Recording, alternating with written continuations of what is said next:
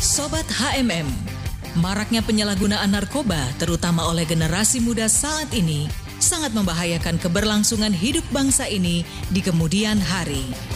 HMM Radio sesaat lagi akan menghadirkan Bincang GMDM, sebuah program hasil kerjasama Radio HMM dengan Bakornas GMDM, Badan Koordinasi Nasional Gerakan Mencegah Daripada Mengobati. Selamat mengikuti. Dari kawasan Sentul Bogor, Indonesia, HMM Radio Operation Worship in Unity.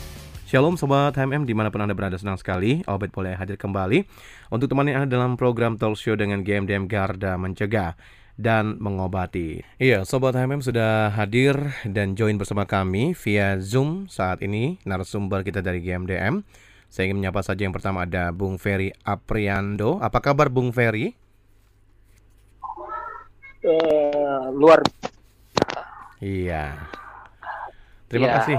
Terima kasih nih Bung Ferry di tengah kesibukan mengajar, memberikan waktu untuk Ya, sama-sama kita berbincang hari ini ya. Tentunya mengedukasi sobat Iya, HMM. terima kasih. Iya. Sudah lama tidak bersua kita ya Bung Ferry.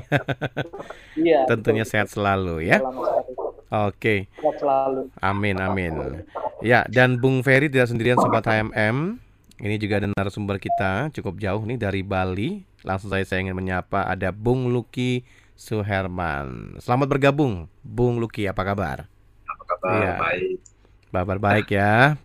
Udah lama juga nih Baik. kita tidak sama-sama ngobrol nih di HMM Radio. Iya, iya, betul. Hmm. Dan terima kasih Bung Luki sudah memberikan waktu untuk hari ini kita boleh berbincang-bincang. Demikian juga dengan Bung Ferry ya. Topik kita hari ini membahas mengenai narkoba membunuhmu. Nah, saya coba ke Bung Ferry dulu nih. Bung Ferry, kita tahu bahwa memang narkoba ini kan sangat berbahaya, ya kan? Untuk semua lapisan bahkan hari-hari ini semua lapisan masyarakat usia muda tua terlibat narkoba. Nah, kenapa sih masih ada aja sih yang memakai narkoba ini? Padahal kita udah tahu itu sangat berbahaya, bisa membunuh baik secara nyawa kita dan juga fisik bahkan syaraf kita. Silakan Bung Ferry. Eh, maraknya narkoba hari-hari ini di, di- disebabkan karena adanya apa namanya, Mhm.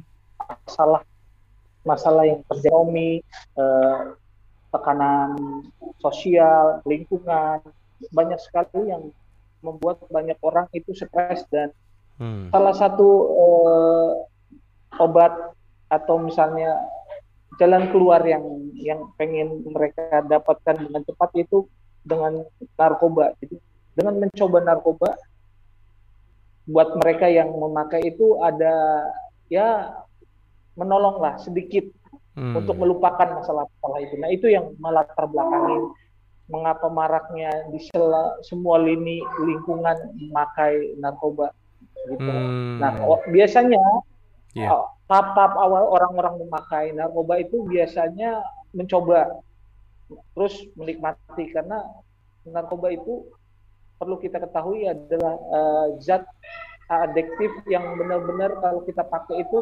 benar-benar membuat kita ketergantungan dan terikat sehingga menimbulkan happy, menimbulkan kesenangan Hmm.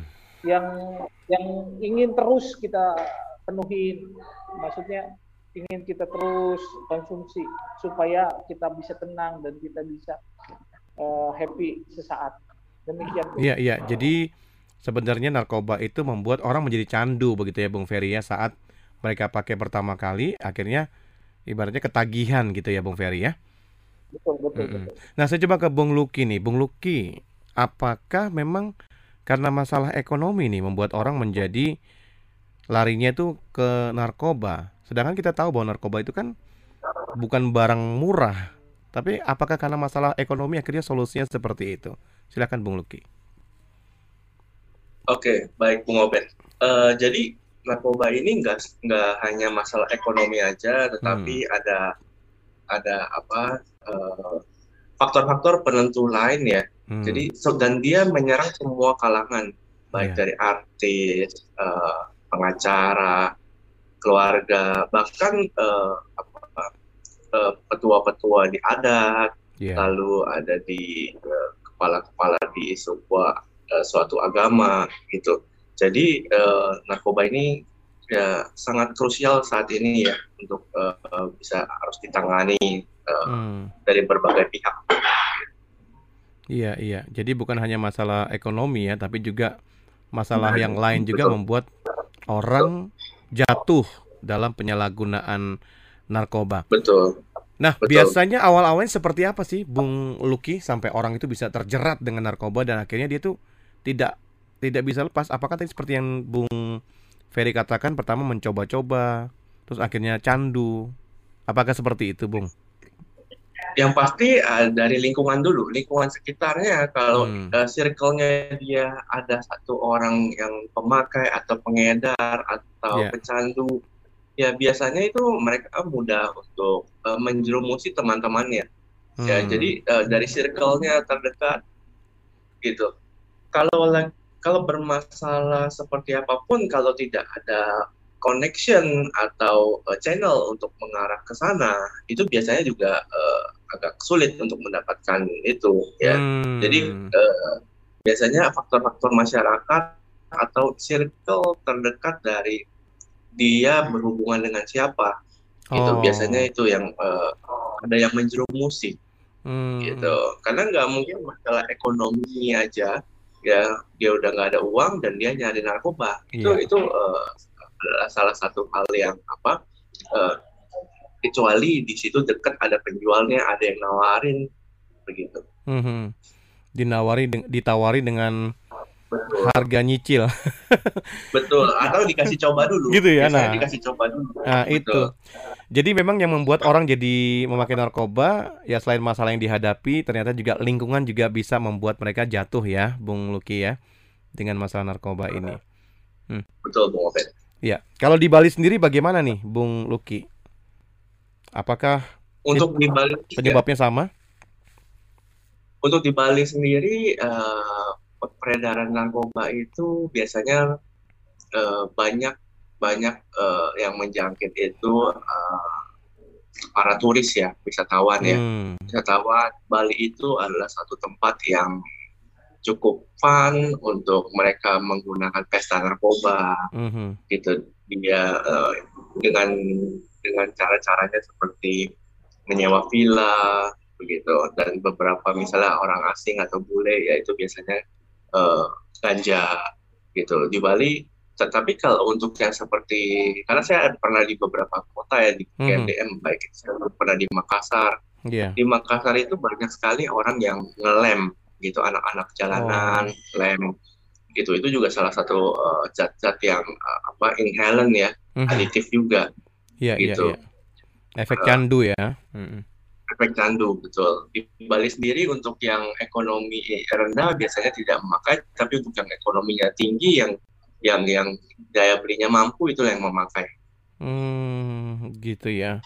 Nah tadi Bung Luki hmm. sempat sampaikan ya ada beberapa turis gitu ya. Kalaupun mereka juga menginap di villa, apakah tidak ada semacam uh, pengawasan gitu, Bung? Sehingga mereka tidak bebas gitu menggunakan ataupun menyalahgunakan narkoba ini untuk ya, di tempat-tempat penginapan begitu? Ya, eh, pengawasan tetap aja pastinya eh, ada, tetapi tidak mampu untuk semua. Ya, tidak hmm. mampu untuk semua. Biasanya kan kalau villa ya kan eh, kenal dulu atau tidak, lalu siapa-siapa aja. Dan eh, namun juga tetap aja eh, apa, biasanya penjahat itu juga lebih pintar, Pak, pengobet. Oh, iya iya. ya. Mm-hmm. Nah, jadi perlu sangat perlu sekali uh, semua lapisan baik mm. dari adat. Kalau di sini kan adatnya cukup kuat ya. Cukup Kami kuat, juga ya. nantinya akan uh, mengedukasi ke semua adat-adat Banjar-Banjar lah namanya iya, Banjar iya. di sini untuk sosialisasi ke seluruh Banjar. Hmm. Iya, iya betul. Jadi mereka uh, harus semuanya bergandengan tangan ya. Kadang-kadang memang penjahat lebih pintar, tapi kalau kita bergandengan tangan tentunya bisa meminimalisir gitu ya Bung Luki ya untuk hal-hal yang tidak baik ini salah satunya penyalahgunaan narkoba. Baik saya coba ke Bung Ferry dulu nih Bung Luki. Bung Ferry, kalau Bung Ferry kan lagi sementara uh, aktif juga nih di dunia pendidikan. Nah, kalau Bung Ferry lihat sendiri untuk anak-anak didik, apakah mereka itu mengerti bahwa narkoba itu benar-benar berbahaya dan saat mereka mengerti apakah membuat mereka juga ibaratnya tuh gampang untuk menjauhi barang seperti ini. Tapi kalau yang Bung Ferry sendiri lihat seperti apa sebenarnya kalau anak-anak pelajar ini melihat narkoba, melihat teman-teman mereka juga yang akhirnya mungkin memakai dan sejauh mana nih Bung Ferry sebagai tenaga didik untuk memberikan edukasi supaya mereka juga jangan sampai jatuh dengan penyalahgunaan narkoba. Silakan Bung Ferry. Uh, melihat perkembangan teknologi zaman sekarang yang memudahkan hmm. informasi semua dengan mudah kita dapat, termasuk penyalahgunaan dan dampak-dampak negatif dari narkoba itu yeah. Iya. uh, sudah diterima di di banyak kalangan termasuk para pelajar gitu. Yeah. Cuma masalahnya kita peranan kita sebagai guru itu harus terus mengingatkan, mem memperingati karena kita tahu uh, negatif hal-hal negatif itu lebih mudah masuk daripada hal-hal positif. Hmm. Hal positif pun yang sudah kita dapat selama ini bisa akan uh, terkamiri atau bisa dengan hilang dengan mudah kalau negatif itu uh, sudah sempat masuk. Maka sebab itu peranan kita sebagai guru, sebagai pendidik untuk berada di garis depan untuk terus mengingatkan, terus yeah. mewaspadai, memberi peringatan tentang bahayanya.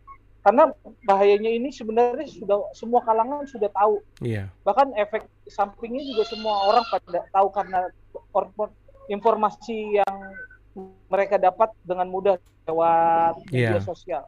Maka sebab itu eh, peran kita sebagai pendidik harus terus mengingatkan, terus menjaga agar itu tidak terjadi di anak-anak didik kita. Yeah, iya. Minimal yeah. Eh, mereka harus menjaga diri mereka dari bahaya ini sehingga mereka juga bisa menyelamatkan diri mereka dan generasi mereka. Mhm. Demikian mm -hmm. Bung Iya, kalau Bung Ferry sendiri cara menyam penyampaian tentang bahaya penyalahgunaan narkoba ini kepada anak didik seperti apa, Bung? Uh, pertama yang saya sampaikan adalah karena saya ini uh, seorang rohaniawan juga, yeah. jadi saya pendekatan saya lewat uh, kitab suci spiritual kayak gitu. Mm -hmm. Jadi itulah sebagai apa namanya pendekatan-pendekatan yang memang fundamental dan dan mm -hmm. prinsip agar yeah. mereka bisa di di dibentengi lewat lewat spiritual mereka. Dan hmm. biasanya saya sih saya sampaikan informasi uh, terus uh, siraman melalui siraman siraman rohani seperti yeah. itu Bung Obed. Nah, sejauh ini yang Bung Ferry lihat uh, untuk uh, edukasi penyalahgunaan narkoba ini kemudian juga diberikan pengetahuan rohani itu apakah bisa maksudnya memberikan suatu dampak yang bisa membangkitkan ataupun membuat anak-anak ini akhirnya memiliki pemikiran yang positif dan menjauhi narkoba ini. Gimana Bung Ferry? Ya, sa sangat uh, sangat benar-benar berpengaruh lah karena kalau yeah. yang rohani ini uh, memang uh, sederhana tetapi ada ada kekuatan maksudnya uh, ada hal yang spiritual yang bisa bisa dilakukan dan ditolong oleh yang maha kuasa supaya anak-anak eh, eh waktu kita menyampaikan ini juga ada hal yang yang yang adikodrati maksudnya yang di luar pikiran yeah. kita mm -hmm. agar kita bisa dimampukan untuk untuk mengingat apa yang kita pernah sampaikan. Ya, yeah. jadi anak-anak ini diberi edukasi tentang kerohanian supaya mereka memiliki ibaratnya benteng dalam roh ataupun jiwa mereka ya nah, untuk bisa betul, betul. Uh, menjauhi narkoba ini. Oke, okay. masih topik kita hari ini narkoba membunuhmu. Tapi kalau sudah tahu narkoba membunuh, tapi masih aja ada yang make ya, karena masalah ekonomi, karena pergaulan. Tadi kalau Bung Ferry katakan di dunia pendidikan, Bung Ferry sebagai tenaga pendidik mengajarkan juga anak-anak mengenai kerohanian supaya mereka bisa menjaga diri mereka dari penyalahgunaan narkoba. Nah, saya coba ke Bung Luki sekarang. Bung Luki, saya pernah dengar nih bahwa para bandar narkoba itu mereka tidak make, betul nggak sih? Mereka hanya membuat saja tapi tidak memakai karena mereka tahu itu bisa membunuh mereka. Bener nggak sih, Bung, Bung Luki? betul, betul banget. Ya. Uh, biasanya yang make itu adalah yang bandar bandar-bandar kecil ya. Hmm. Bandar-bandar kecil, bandar-bandar besar itu uh, tidak pakai. Sama make, juga ya? kayak pabrik-pabrik rokok. Mereka nggak hmm. pakai. Kalau distributornya, penjualnya, agennya masih make, masih ngerokok. Hmm. Gitu. Iya ya. Karena mereka hmm. sadar hmm. bahwa itu membunuh gitu ya. Betul, mereka mereka sadar buat apa kaya tapi penyakitan. Iya iya iya. Justru mereka hmm. mencari keuntungan di balik derita orang lain mungkin begitu ya, Bung. Betul.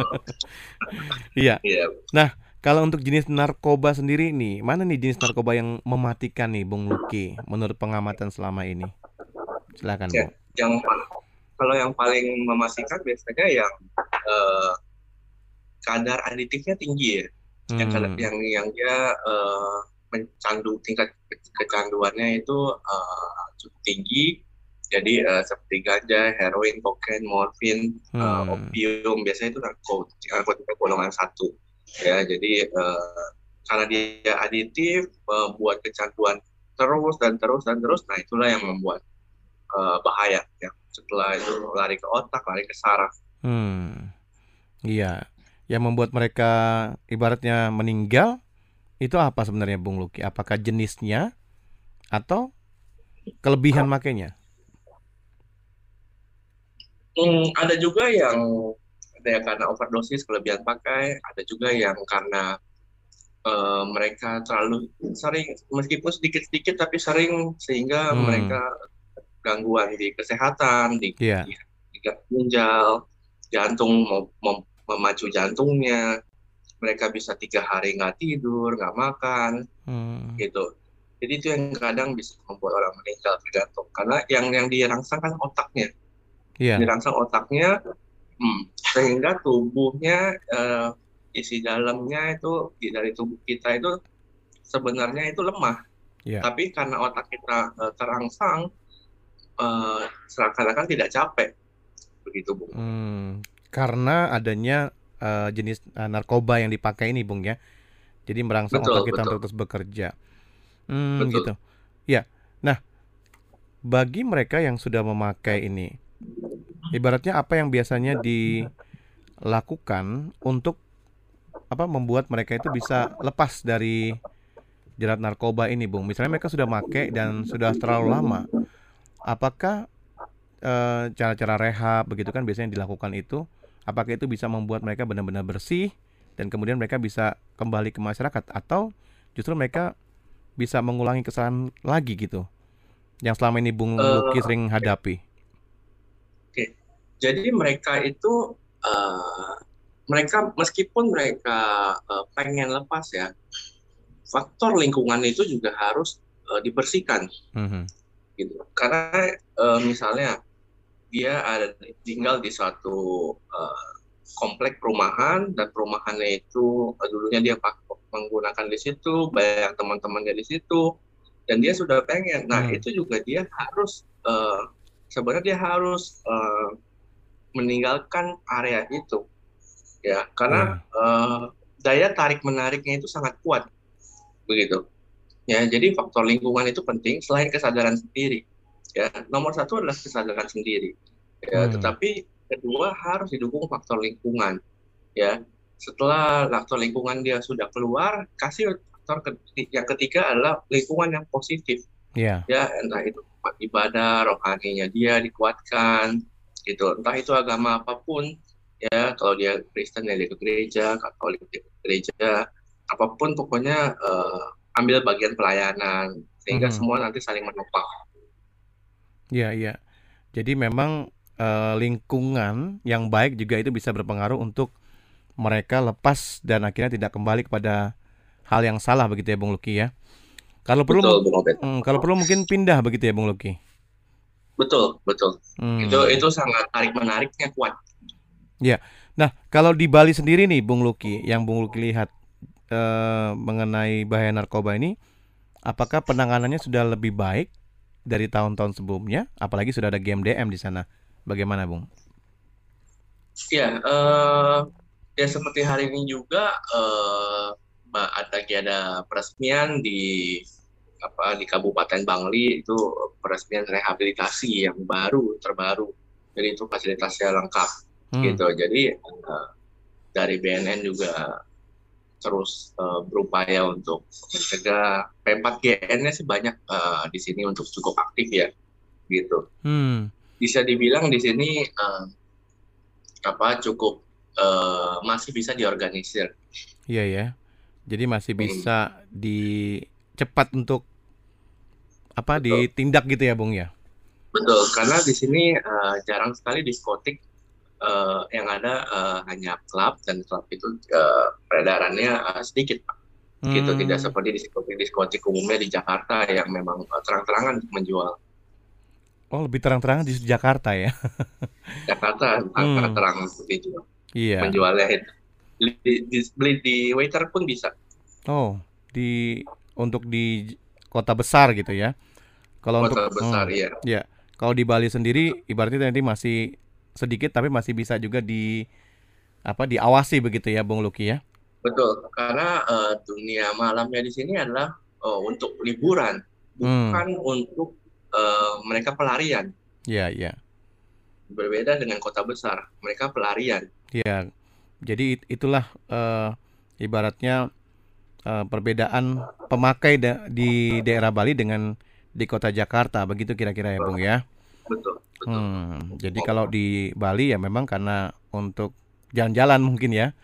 Untuk ya. having fun mungkin. ya. nah, kalau Jakarta mungkin karena pelarian. Ternyata ada perbedaannya untuk juga. Orang Balinya ya. Mm -hmm. Untuk orang Bali atau masyarakat Bali ya. Mm uh, di sini kalau untuk pelarian ya banyak tempat-tempat wisata yang kita gampang untuk ke pantai, stres yeah. ke pantai, mm -hmm. ke, cari gunung, pemandangan gitu. Nggak ada macet, beda dengan yang kota lain mungkin. Yeah. Yang apa pun nggak bisa gerak ya.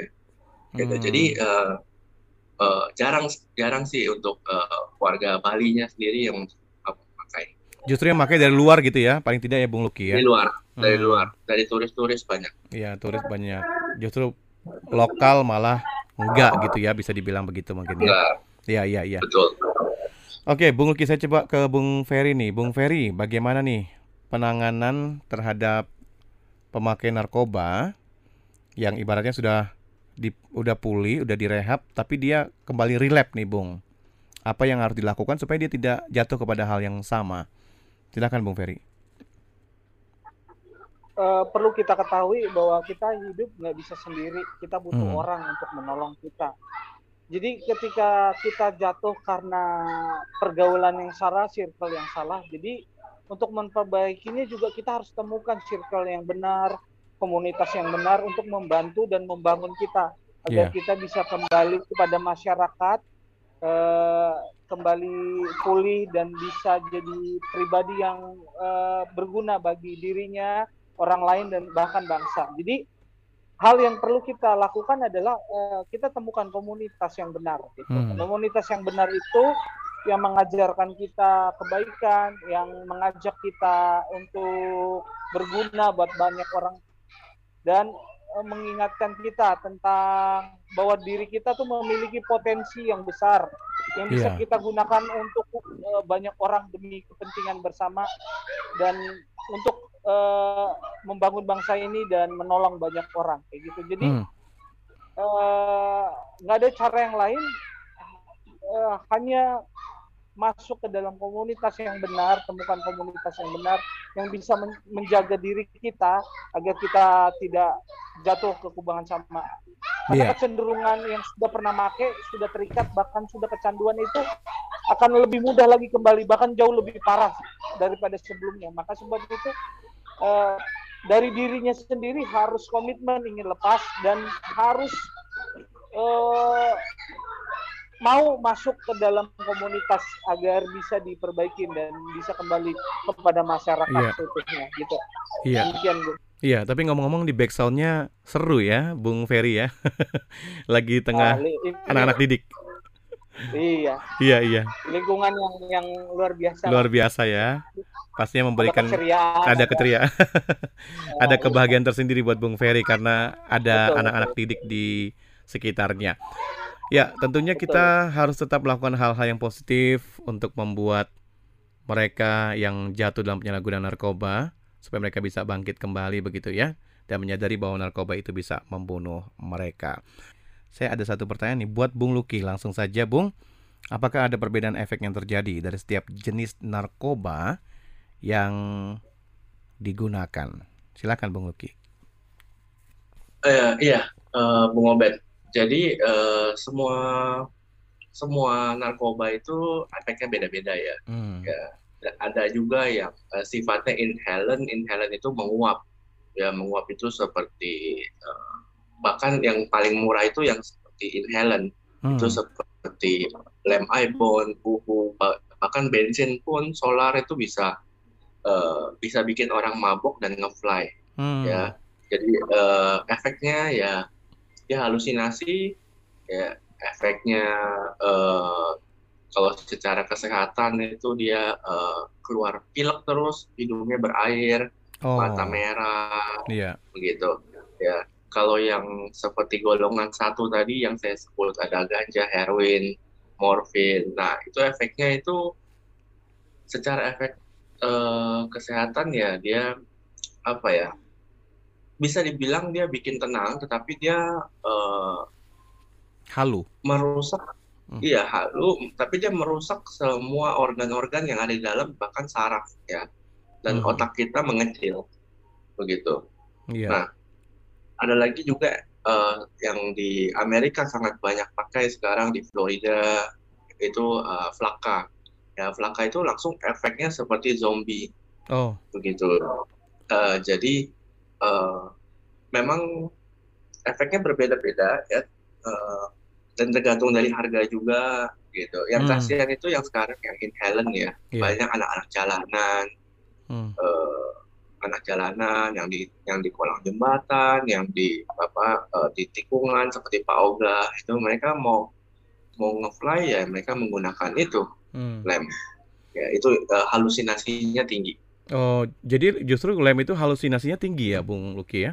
Halusinasi, ya halusinasi. Mereka nge-fly. Gitu. Hmm. Dan itu gampang ditemukan dan ya, akhirnya mereka salah gunakan. Sepuluh ribu mereka bisa sharing hmm. gitu. Pakai bareng kalau gitu ya. hmm. Kalau sabu ini di Bali satu gram dua juta. Wow, sabu itu ya? Uh. Sabu tuh. Ya, ya. Jadi ternyata memang efeknya beda-beda ya. Ada yang hidung hidungnya terus berair, ada yang matanya merah ya. Ada yang Betul. juga ibaratnya tadi halu. Iya. hmm, dan ujung-ujungnya akhirnya mengganggu syaraf dan juga fisik mereka ya, Bung ya. Ya, semua organ itu organ kita organ tubuh itu dirusak. Ya, hmm. Ya, fungsi hati terutama. Nah, untuk mereka nih yang mengalami gangguan syaraf, kemudian juga tadi fungsi hati, juga fisik mereka, apakah saat di rehab itu ibaratnya bisa mengembalikan, Bung, kesehatan mereka tadi secara fisik, syaraf gitu? Secara rehabilitasi sebenarnya tidak menyembuhkan kalau dari kesehatan dari organ, hmm. ya, ya itu harus harus uh, udah ke medis, Oh, Oke. Okay. Jadi uh, harus penanganan medis gitu kalau kalau selagi masih apa eh, otak juga kadang kan saraf itu uh, dia lambat pikir hmm. uh, kalau kita uh, di GMDM sendiri penanganannya ditambahkan dengan firman oh iya iya hmm. di GMDM jadi selain memang secara fisik diobati kemudian juga secara rohani juga ya Bung Luki ya. Betul, betul. Karena karena harus mengisi ke, kekosongan dari dalamnya dia gitu. Karena orang yang memakai narkoba biasanya uh, dia merasa hampa, kosong, kosong. gitu dan dia nggak tahu mau apa lagi. Hmm. Jadi memang secara rohani juga memang tidak ada pengharapan lah begitu ya, Bung ya. Betul. Hmm. Nah, kalau untuk di game DM, DM sendiri di Bali, Bung, rehabnya, apakah saat mereka itu direhab ada semacam apa ya penawar gitu kah untuk supaya mereka tidak sakau gitu bung?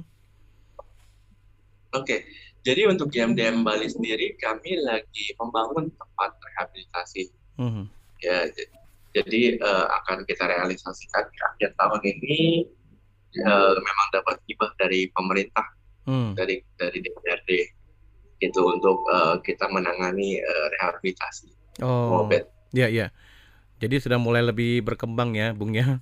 Setelah ya, Oktober ya, tahun lalu diresmikan game DM nah, Bali. Betul. Pergerakannya iya. lebih luar biasa. Kita kayaknya baru dua kali nih ngobrol di HMM Radio nih, Bung ya.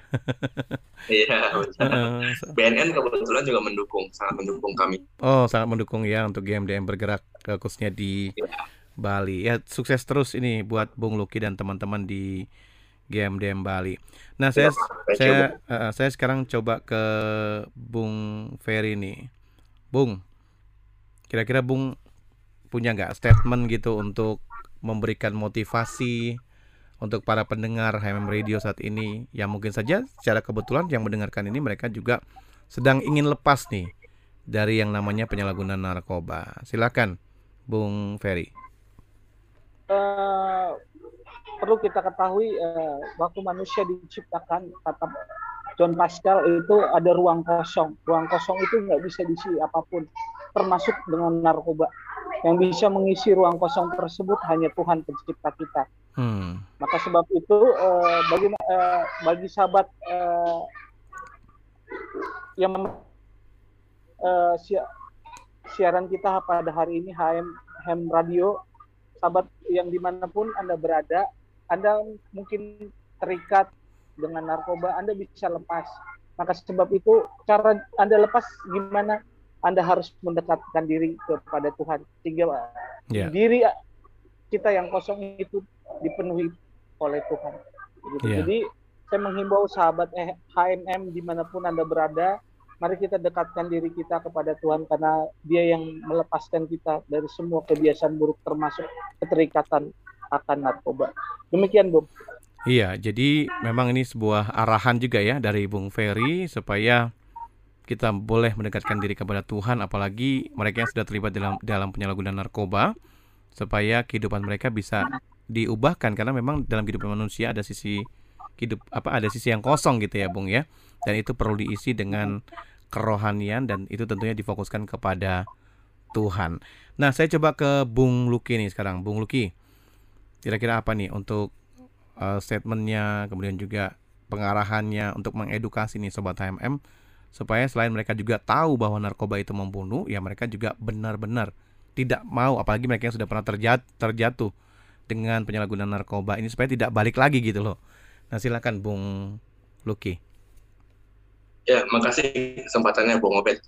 Jadi uh, demand dan supply akan terus ada ya tapi fungsinya kita uh, masyarakat uh, itu kita terus bergerak untuk mencegah melakukan pencegahan dan sosialisasi hmm. dan juga masyarakat sangat penting sekali untuk uh, menjaga keluarganya ya karena itu adalah bagian inner circle, inner circle paling pertama ya. hmm. ya jadi dari keluarga tempat kerja lingkungan sekolah lalu ke masyarakat ya dan yeah. juga uh, apa itu instansi terus untuk uh, berupaya untuk melakukan sosialisasi ya jangan menolak uh, kita jika saat uh, kita menawarkan uh, penyuluhan yeah. gitu ya karena itu pastinya uh, berguna gitu mm-hmm. uh, jadi sangat penting sekali inner circle inner circle dari awal itu uh, keluarga ya yang yang kita tahu kadang uh, orang tua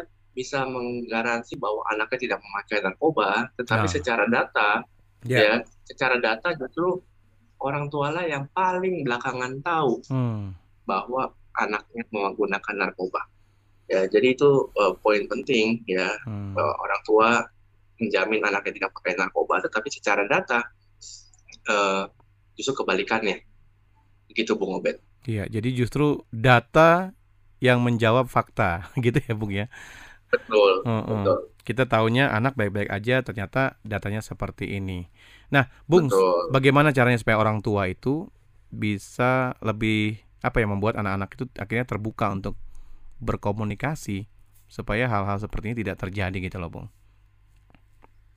Uh, memang perlu waktu pendalaman uh, apa sharing-sharing ya, luangkan waktu untuk makan bersama, luangkan hmm. waktu untuk uh, apa ngobrol dengan anak gitu. Jadi uh, anak itu nggak merasa bahwa teman ngobrol itu hanya teman-teman, teman yeah. curhatnya teman-teman, gitu. Tapi orang tua lah itu sebenarnya untuk uh, teman yang paling dekat, hmm. ya, yang bisa um, menyelesaikan solve, solving problemnya, nggak hanya untuk marah-marah atau memerintah saja. Iya. Yeah. Itu Bung. Jadi memang orang tua ya harus bangun komunikasi yang baik begitu ya Bung Luki ya. Jangan nanti yeah. begitu ada informasi Betul. seperti ini marah-marah ya nggak baik begitu ya bung ya jadi lebih, lebih baik Betul. dibangun komunikasi yang lebih apa ya dengan anak-anak lebih terbuka supaya mereka jangan sampai tertutup akhirnya tadi seperti yang bung Luki katakan ada data baru mereka tahu faktanya seperti ini Ya, semoga dengan kita berbincang di kesempatan hari ini ya, Bung Ferry dan juga Bung Luki, ini bisa mengedukasi Sobat HMM di mana pun berada, para orang tua ataupun juga para anak-anak muda, mereka yang ada di marketplace atau para studi uh, pelajar saat mendengarkan hal ini benar-benar tahu bahwa memang narkoba itu membunuhmu dan itu sangat berbahaya. Mari sama-sama kita memperhatikan keluarga kita, rekan-rekan kita, komunitas kita, kita bisa saling mengingatkan satu sama lainnya, begitu ya Bung ya, supaya jangan sampai jatuh dalam penyalahgunaan narkoba. Kalaupun ada, keluarga, rekan kita, mari kita rangkul sama-sama, bawa mereka kembali supaya kehidupan mereka bisa normal dan tentunya bisa berdampak bagi banyak orang. Ya, Bung Ferry dan Bung Luki sebenarnya kita masih pengen ngobrol, tapi waktu membatasi kita. Mungkin suatu-waktu kita bisa berbincang kembali tentunya dengan topik yang lain yang tentunya akan mengedukasi Sobat HMM tentang bahaya narkoba. Saya cuma terima kasih buat Bung Ferry. Terima kasih juga buat kasih, Bung Luki dari Game Dem Bali buat waktunya. Ya, makasih Bung Obed. Iya. Makasih uh, Bung Ferry. Iya, sukses ya Bung Luki dan teman-teman Game Dem Bali. Juga Bung Ferry bersama dengan anak didiknya terus maju. Tuhan beserta selalu. Ya, Sobat HMM, Anda telah mengikuti perbincangan dengan Game Dem Garda mencegah dan mengobati dengan topik bank dengan topik kita hari ini narkoba membunuhmu. Dan informasi tentang game DM dapat menghubungi di 021 8661 5552. 021866155552. Nantikan perbincangan kami selanjutnya bersama GMDM dengan topik menarik seputar penyalahgunaan dan pemberantasan terhadap narkoba untuk menciptakan Indonesia bersinar bersih dari narkoba. Sampai jumpa. Sobat HMM, Anda baru saja mengikuti Bincang GMDM, sebuah program hasil kerjasama Radio HMM dengan Bakornas GMDM, Badan Koordinasi Nasional Gerakan Mencegah Daripada Mengobati. Terima kasih atas kebersamaan Anda. Sampai jumpa.